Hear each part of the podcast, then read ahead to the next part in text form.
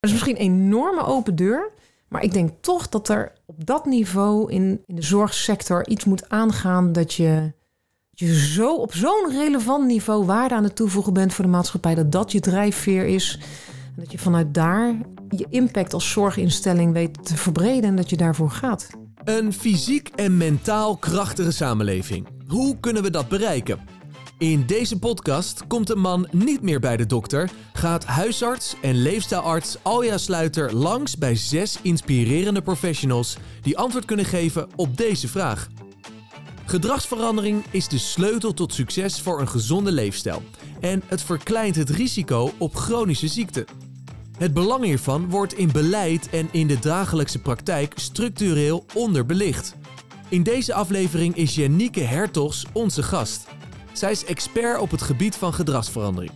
Volgens haar zijn we 95 tot 98 procent van de tijd allemaal onbewust. Dat betekent dat we ons gedrag laten bepalen door onbewuste impulsen en motieven, en niet door logica en rationele afwegingen. Gedragsverandering is een lastig thema, zeker op het gebied van leefstijl. In de komende 30 minuten gaan we op zoek naar antwoorden op de volgende vragen. Hoe zet je mensen aan tot gedragsverandering? Wat is er nodig om dit gedrag vol te houden? Hoe maak je van een gezond gedrag een gewoonte? En is gedragsverandering ook mogelijk bij bedrijven, politiek en beleidsmakers? Veel luisterplezier! Nou, Janieke, we zitten hier bij jou in jouw inspirerende werkkamer, moet ik zeggen. Haardvuur is aan.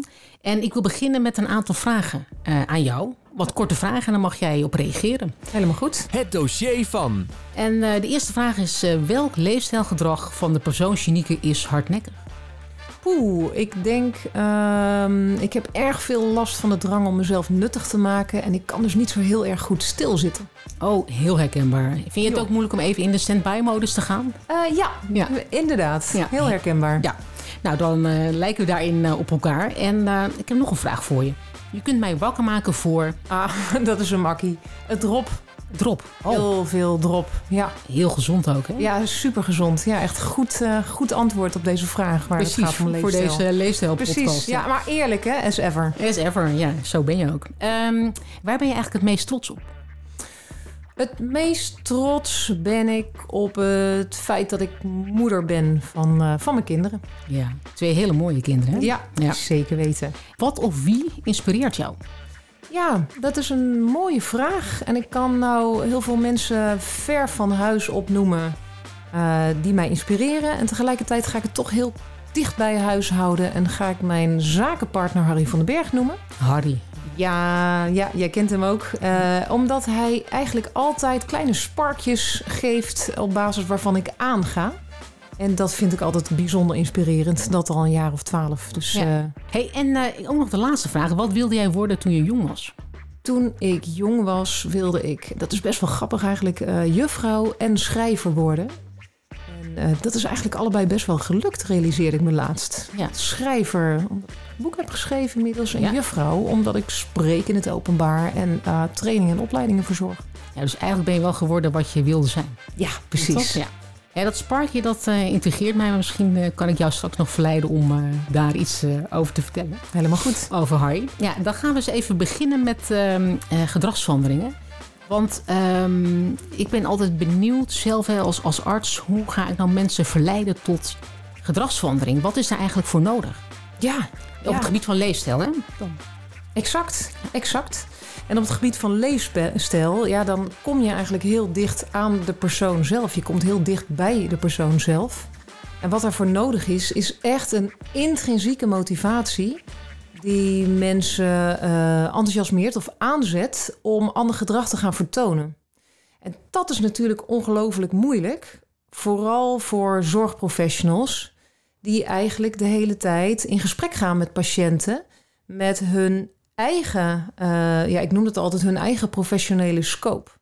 En het, het raken van die patiënt in zijn of haar um, uh, persoonlijke beleving en daar creëren van motivatie en belang en urgentie, ja, dat is iets, um, als je dat weet te bereiken, als je dat weet te raken, dan zijn in ieder geval uh, de, de, de voorwaarden gunstig om gedragsverandering tot stand te brengen. Dat klinkt eigenlijk best wel ingewikkeld. Uh, volgens mij heb jij daar een, twee boeken over geschreven inmiddels. Klopt. Eentje is al uit en eentje komt eruit volgens mij. Klopt. En staat dit allemaal beschreven daarin? Ja, eigenlijk wel. Het eerste boek geeft aan dat uh, we vaak proberen andere mensen te overtuigen. En als we mensen willen overtuigen, bijvoorbeeld van een gezondere leefstijl, wat we dan met z'n allen onhandig doen, is dat we ervan uitgaan dat die persoon die we willen overtuigen, dat het een rationeel, een bewust en logisch functionerend mens is. Maar dat is natuurlijk helemaal niet zo. Want de wetenschap heeft laten zien dat mensen in hoge mate onbewust, irrationeel en sterk emotioneel zijn. Dus als wij gaan proberen de leefstijl van mensen te veranderen, dan zal je al vrij snel zien dat wij die ander proberen te pushen, te duwen, te vertellen, uit te leggen met ratio en logica, eh, dat hij beter zijn gedrag kan veranderen.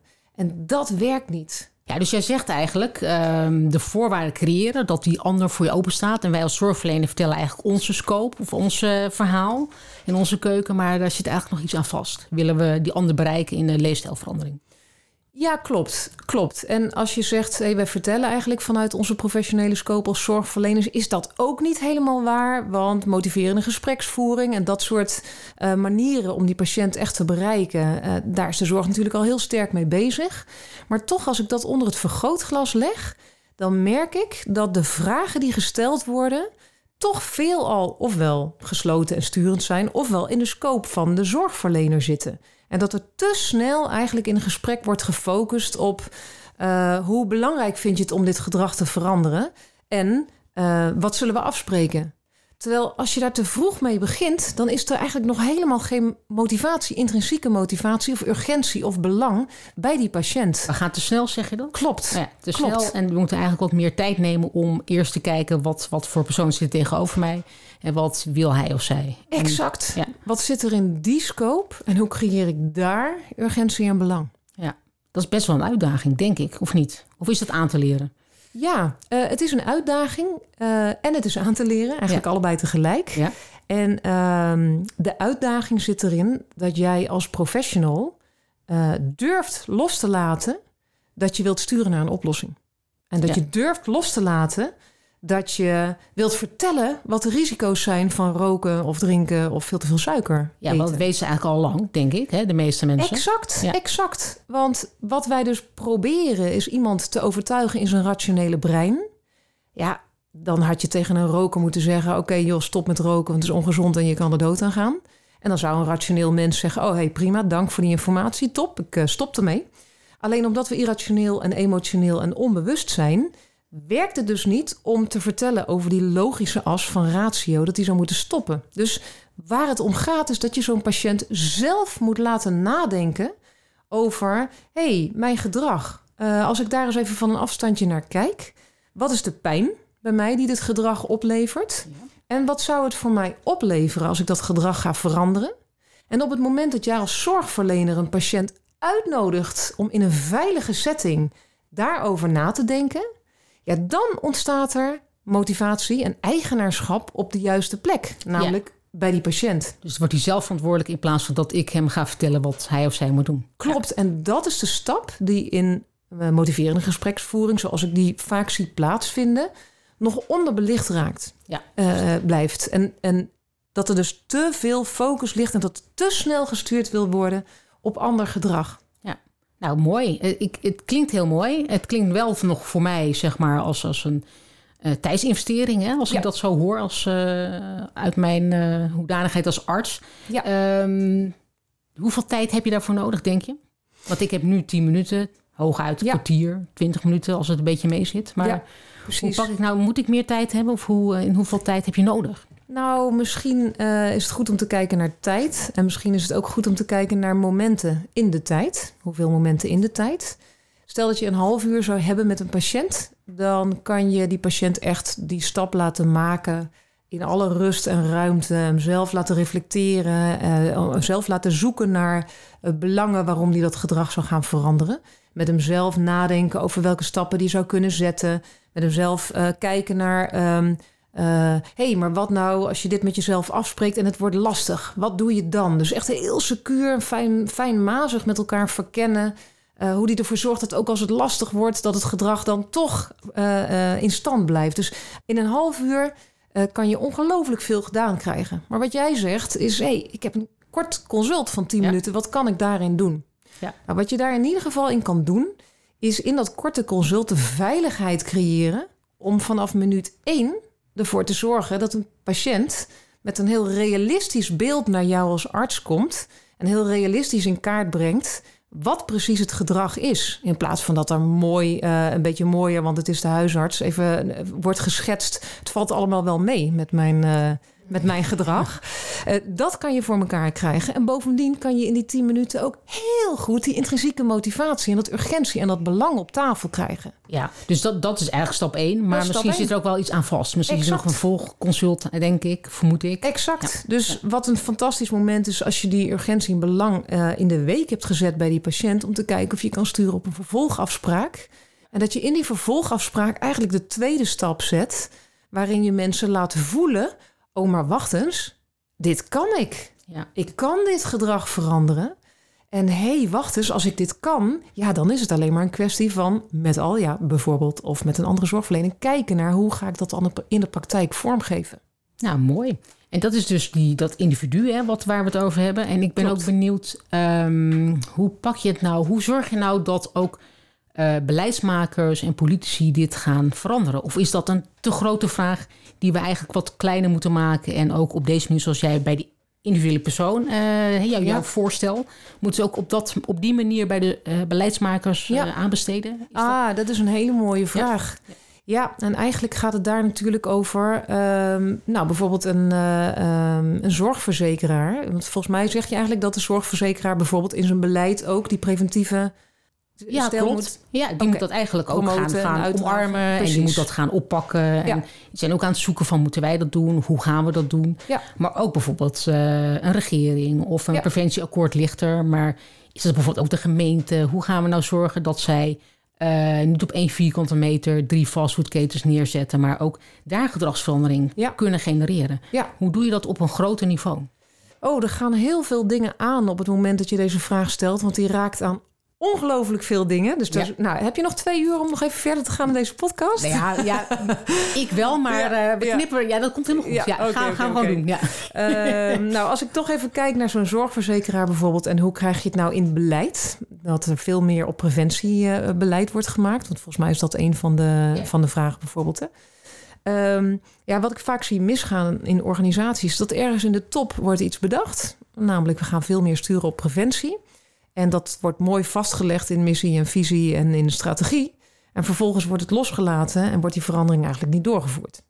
Dus het begint in ieder geval bij grote organisaties of grote instellingen om op een zorgvuldige manier een verandering door te voeren, waarbij uiteindelijk beleidsmakers voelen dat bijvoorbeeld preventie een eh, cruciaal eh, thema is, een cruciale kapstokhaak is, waar zij hun hele beleid aan ophangen. Dus enerzijds zal een verandering in een organisatie eh, doorvoeren in alle geledingen, dus ook beleidsmakers. Eh, dat is al één hele belangrijke stap. Toevallig kan je die stap ook bereiken door het gedachtegoed eh, waarover ik spreek en schrijf toe te passen. Precies. Om, omdat ja. dat gedachtegoed ervoor zorgt dat ook beleidsmedewerkers het belang van preventie kunnen internaliseren.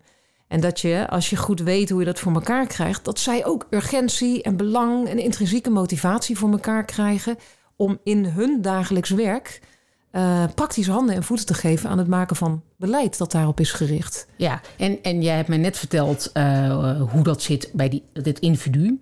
En bij zo'n uh, beleidsmaker, bij zo'n zorgverzekeraar. Ga je dan ook weer aan de tafel zitten en zeg je... nou, volgens mij is dit het belang. Of hoe moet je dat doen?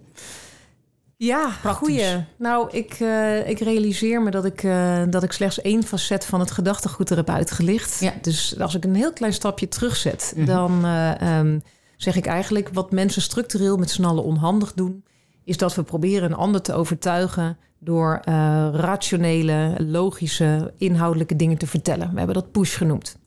En op het moment dat je gaat poelen, dus veel meer gaat naar de onderzoeks, waarderend onderzoeken, nieuwsgierig, verkennen hoe de ander denkt en kijkt, dan creëer je daar eigenaarschap en buy-in en motivatie en belang.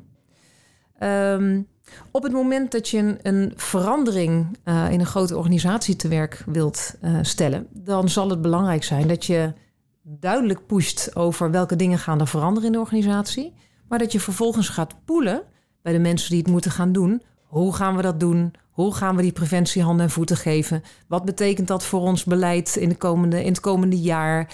Uh, uh, welke doelen willen we daar dan in stellen? Dus dat je eigenlijk een balans voelt. Maar nu hebben we het echt over organisatieveranderingen. Dat is misschien minder waar je naar op zoek bent. Maar ik denk dat het wel belangrijk is dat grote zorgverleners of grote zorginstellingen dus bezig zijn met preventie hoog in het vaandel zetten. En dat niet alleen, maar vervolgens door het op de goede manier in beweging te brengen, met pushen, duidelijk vertellen wat gaat er veranderen. En dan via de route van pool, het gesprek, dialoog, interactie, vraagstelling, mensen zelf eigenaar te maken van die verandering en hem handen en voeten te geven. Ja, dus ergens moet je hem hoog aanbesteden en je moet het ook gaan uitdragen, zodat ook de mensen dat gaan geloven en ook gaan toepassen. Is dat wat je zegt? Klopt, dat ze het gaan geloven, dat het eigen wordt, dat ze er zelf mee vorm aan mogen geven. En dat je dus ook voorbij alle dingen gaat als weerstand ten aanzien van verandering of stokpaardjes die bereden worden. Maar dat ze inderdaad voelen, dit is goed en fijn en hier ga ik mijn hart voor maken. Ja, dus dat belang ook aanbesteden bij de rest van Nederland. Ja, klopt. Mooi. We hebben het gehad over uh, hoe gaan we dat dan veranderen individueel. Heel klein tipje hebben gekeken naar organisatieverandering. Maar ik ben ook heel benieuwd hoe gaan we dat nou duurzaam verankeren. Dus we, hebben een, een, we staan open voor verandering. Ja. We gaan hem toepassen. Maar hoe gaan we nou zorgen dat we het langer dan zes weken volhouden, deze Ja, gedragsverandering? ja, ja, ja. Nou, misschien is de eerste vraag wel: wat zie jij daarin als de rol van de zorgverlener? Nou ja, dat is een uh, mooie tegenvraag. Ik denk dat uh, een soort, soort uh, continuïteit daarin en mensen weer terugbestellen op een bepaald gedragsverandering. Ja. En ook naast ze gaan staan en ze daarin be te begeleiden. Dat Ja. dat wel een eh, bewezen effect heeft. Ja. Dat als je op een gegeven moment dat je het. we hebben natuurlijk een plan als, als eh, eh, zorgverlener. Bijvoorbeeld de GLI. En daar eh, kunnen mensen zich inschrijven. Voor twee jaar worden ze begeleid. Dus ik denk dat dat eh, duurzaam veranderen in je leven. Dat zorgt Mhm. voor een, een in het begin begeleiden van een gedragsverandering. Ja. Op een gegeven moment moet je het loslaten. Net Ja. zoals bij het opvoeden van kinderen. ja, precies. Maar ehm, ja, ik ben ook heel benieuwd of jij daar, of jij daar iets over weet. Van, eh, nou, we gaan het veranderen, maar hoe zorgen we nou dat het duurzaam verandert? Ja. Zowel bij die persoon, maar ook als Nederland zijnde. Nou ja, ehm, om toch naar, naar ehm, hetgeen te gaan waar ik me heel erg veel mee bezig houd en heb gehouden. Verandering vraagt erom om je bewuste brein te gebruiken.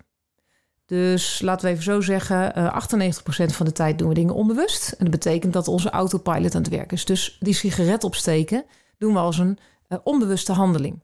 Op het moment dat je daarmee wil stoppen, zal dat betekenen dat je in eerste instantie bewust gedrag moet gaan creëren.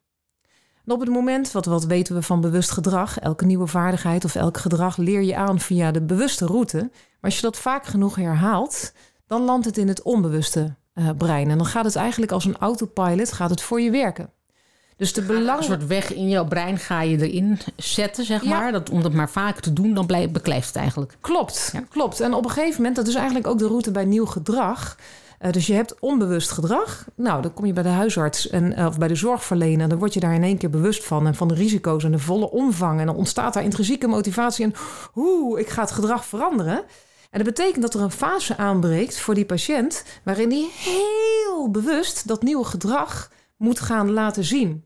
En op het moment, want volgens mij zei je dat eigenlijk, dat die zorgverlener of die huisarts in die fase van bewustwording, als die daar zij aan zij of als een coach of een begeleider, die patiënt door die fase, die grillige fase van dat bewust, dat gedrag vertonen, als je hem daar kan coachen, ja, als je door die fase heen bent, wordt het nieuwe gedrag onbewust.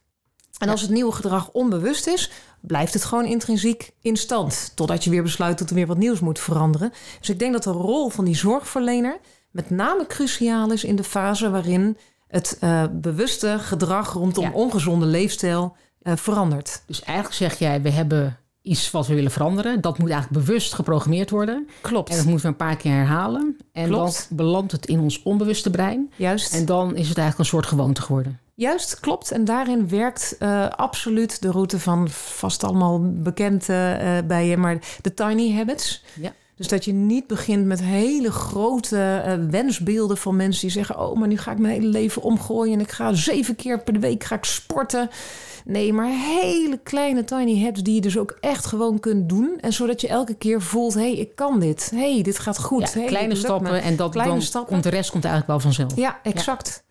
En dat zal vast niet voor elke patiënt eh, eh, even eh, via een even geplaveide route gaan. En misschien heeft de een daar meer of langere begeleiding nodig dan andere. Ja. Maar dat zijn in ieder geval wel belangrijke succesingrediënten. Het is natuurlijk wel mooi, wat, je wat jij zegt is heel mooi. Dat is ook maatwerk. Want wat voor jou werkt, werkt voor mij weer anders. Precies. Dus dat is ook verschilt per mens hoe lang jij nodig hebt om Ja. dat, een, daar een gewoonte van te maken. Klopt. Heel even een checkvraag. Zoals wij hier zitten, ben ik nou bewust of ben ik onbewust? dat is een mooie, eh, mooie vraag. Ja, ik kan op dit moment aan je ogen zien dat je gewoon onbewust bent, net als ik.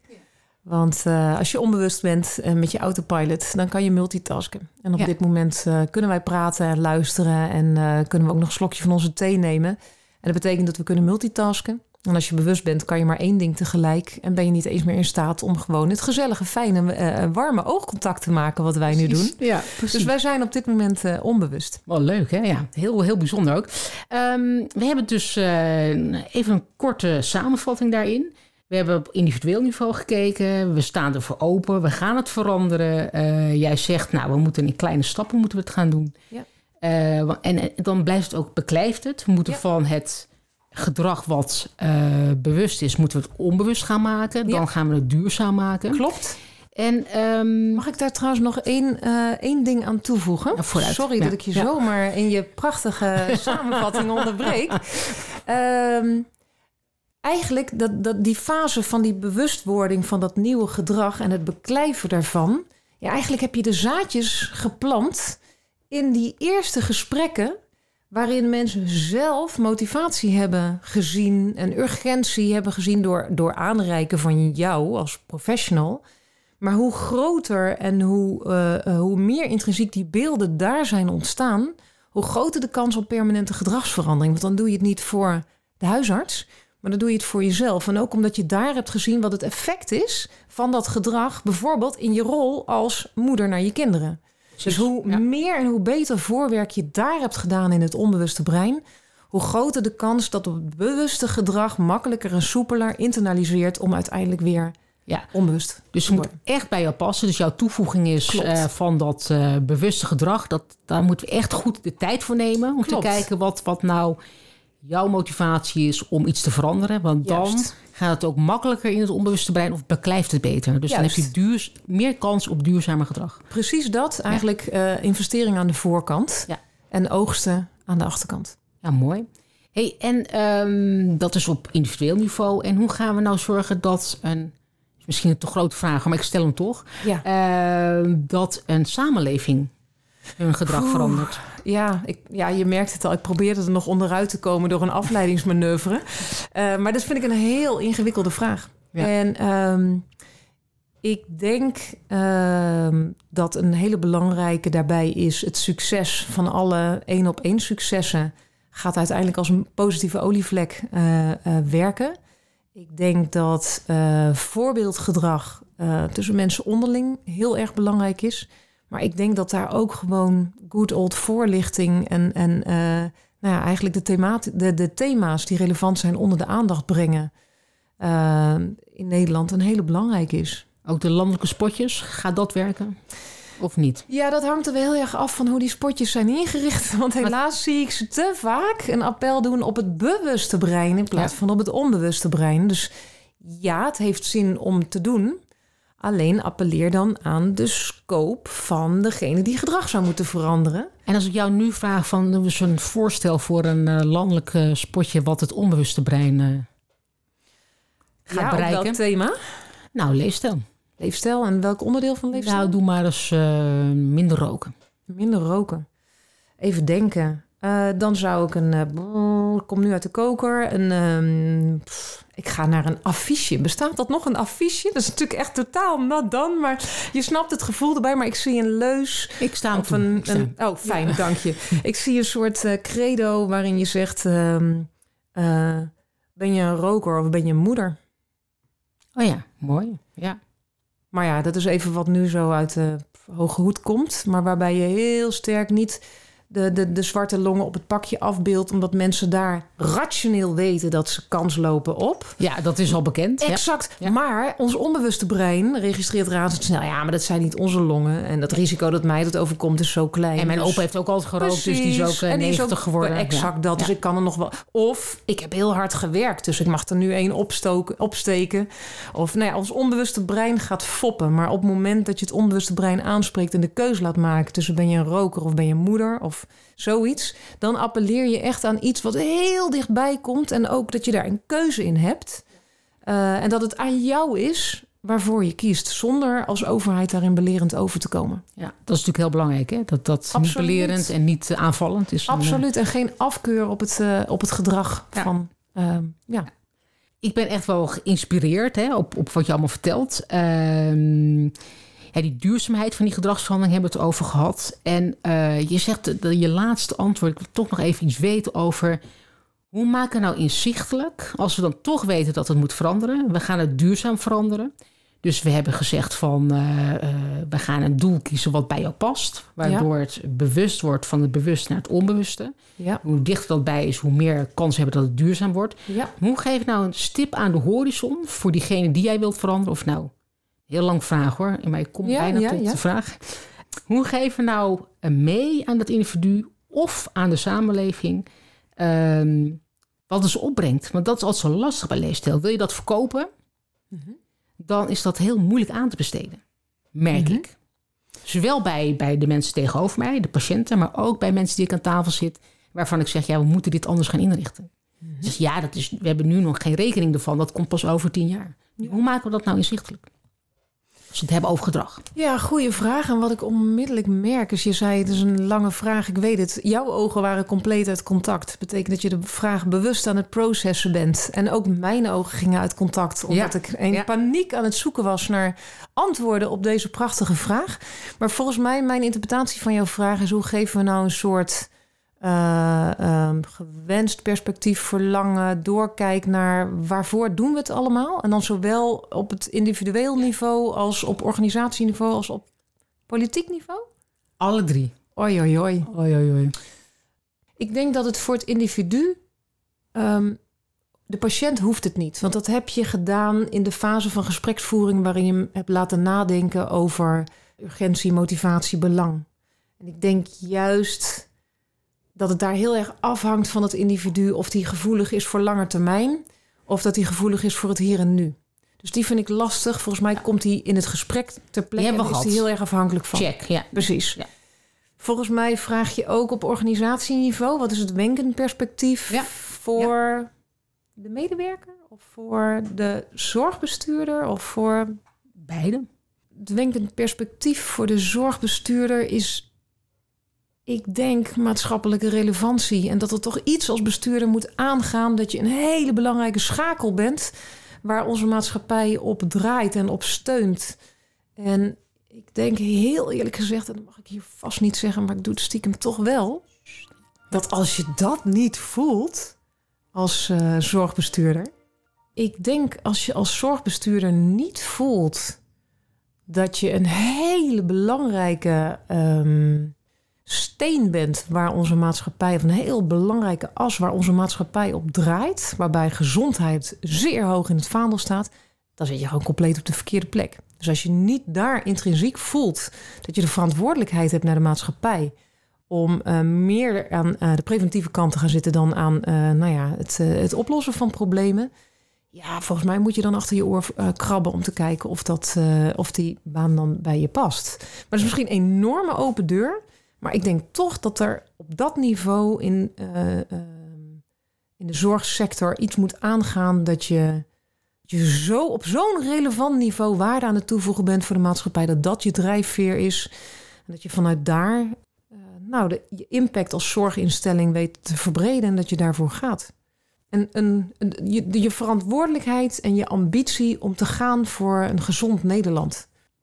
Die moet je hebben. Die moet je voelen in je, moet je in hebben en in die moet je uitdragen. Ja, en die absoluut. moet je van bewust naar onbewust en terugkeer en, en, en vice versa. Absoluut, want ik denk dat als het daar niet goed zit, dan straalt dat af op alles en iedereen. En het is misschien een beetje een slap antwoord, maar dat is wel het eerste wat in me opkomt als het gaat om organisatie.